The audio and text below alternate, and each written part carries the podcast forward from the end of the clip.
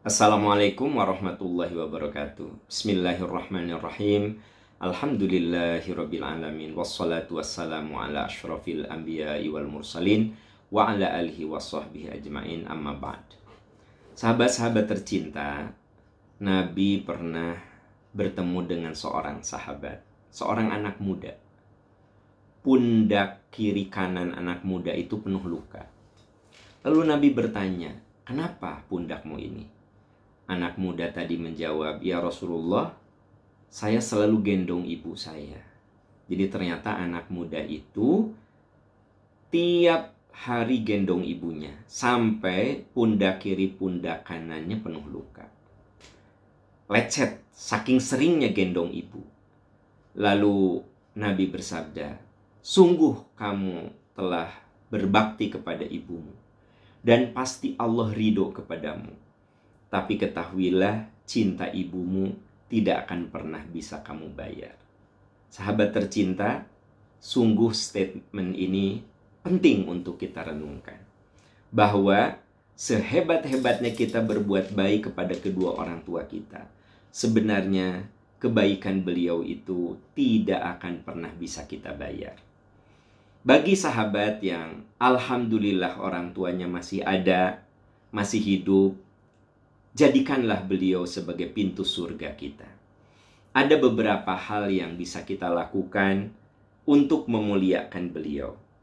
Sahabat bisa lihat dalam surat Al-Isra, surat ke-17 ayat 23-24.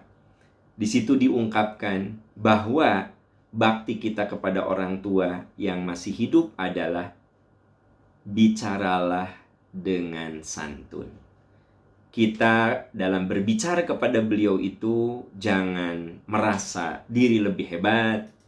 Nada suara kita jangan tinggi karena di dalam ayat itu dikatakan fala taqullahuma ufin wala tanharhuma wa kullahuma qaulan karima. Ini yang pertama. Jadi yang pertama adalah fala taqullahuma uf. Jangan kamu bilang ah wala tanharuhuma wa kullahuma qaulan karima. Jangan kamu hardik, jangan kamu kasar, bicaralah yang santun. Sahabat ini yang pertama.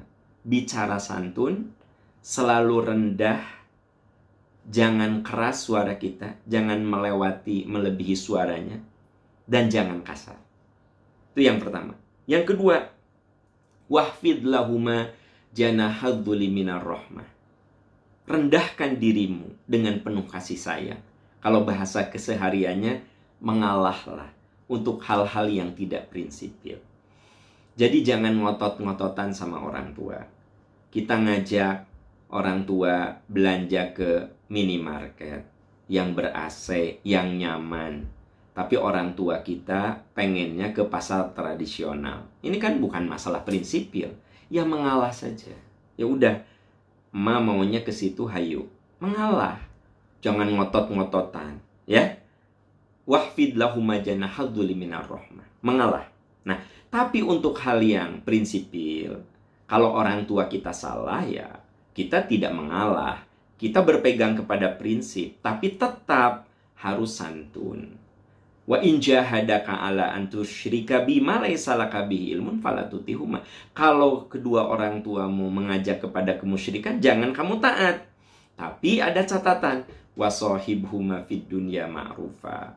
Perlakukanlah orang tuamu dengan baik. Jadi orang tua kita salah saja, cara menolaknya harus santun. Ya. Itu yang kedua. Rendah hati, merendah, mengalah untuk hal yang tidak prinsipil, Sekiranya orang tua kita salah, kita harus memegang prinsip tapi tetap wasohib huma fid dunya ma'rufa. Muliakan orang tua kita.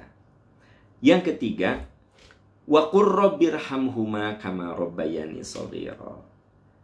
Jangan lupa untuk selalu mendoakan orang tua kita kalau beliau masih hidup agar sehat, agar diberkahi, agar dirahmati, agar husnul khotimah wa qurrabbirhamhuma. Katakan, Ya Allah, rahmati kedua orang tuaku, sayangi kedua orang tuaku, kama rabbayani saghira. Sebagaimana kedua orang tuaku tidak pernah lelah menyayangi aku.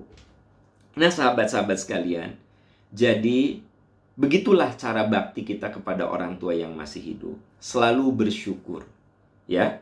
Anishkurli wali wali daika ilayyal masir. Hendaklah kamu selalu berterima kasih kepada orang tuamu. Kemudian bicaralah yang santun. Ya, wa kullahuma qaulan karima. Bicara yang santun. Yang ketiga, wahfid lahuma janahadzuli minar rahmah. Mengalah untuk hal yang tidak prinsipil. Untuk yang prinsipil, kita boleh tetap berpegang teguh tapi tetap harus santun. Yang keempat, jangan lelah untuk selalu mendoakannya. Doakan agar orang tua kita selalu diberkahi, dirahmati, dan husnul khotimah. Sahabat, bersyukurlah kalau kita masih punya orang tua yang masih hidup, kita masih bisa berbuat sesuatu. Dan jangan lupa, ringankan beban hidupnya kalau kita mampu. Ringankan beban hidupnya kalau kita mampu. Kalau orang tua kita perlu biaya berobat dan kita mampu, bantulah. Kalau orang tua kita perlu diantar ke dokter dan kita bisa antarlah. Ringankan beban hidupnya. Nabi bersabda, rugi, rugi, rugi Siapa ya Rasulullah yang rugi? Kata Nabi, kamu masih punya orang tua, tapi tidak menjadikannya pintu surga. Maka sahabat, yang terakhir jangan lupa, ringankan beban hidupnya kalau memang kita mampu untuk meringankannya. Semoga dengan cara kita berbakti kepada orang tua yang masih hidup, nanti Allah akan memberikan pahala terbaik dan memberikan anak-anak kita anak-anak yang soleh saat kita sudah menua.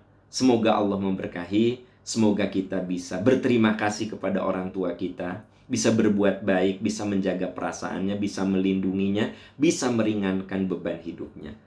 Dan semoga anak-anak kita menjadi anak-anak yang soleh.